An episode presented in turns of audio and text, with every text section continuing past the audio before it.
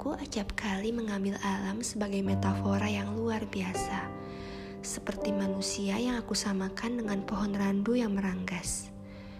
Pohon randu secara sengaja menggugurkan daun-daunnya pada musim kemarau, saat ketersediaan air pada tanah mulai menipis nyaris habis, hanya untuk satu tujuan, untuk bertahan.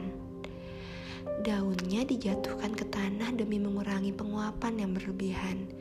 Kalau tidak dilakukan, pohon randu akan kehilangan cairan dan kelamaan akan mati, tumpar, tidak sanggup lagi bertahan. Begitu juga manusia. Ada hal-hal yang perlu dilepaskan demi dapat melanjutkan. Baik itu wajah-wajah familiar, amarah yang dipendam, keringat pada ujung pelipis, harap-harap cemas setiap ujung hari, air mata yang tumpah, bahkan mimpi serta kesempatan yang pernah hadir samar-samar. Namun harapan biasanya menjemput saat kita tampak rendah hati.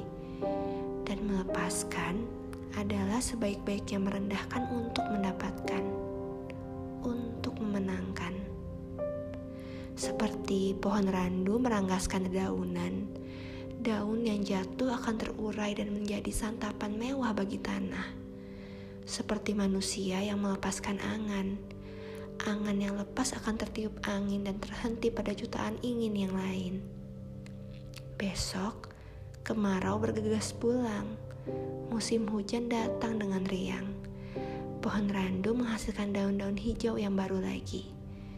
Begitu juga manusia, tersenyum, patah hati, lupa diri, dan tidak pernah berhenti.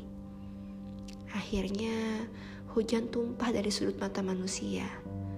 Namun sekarang, aku sedang tidak bicara metafora.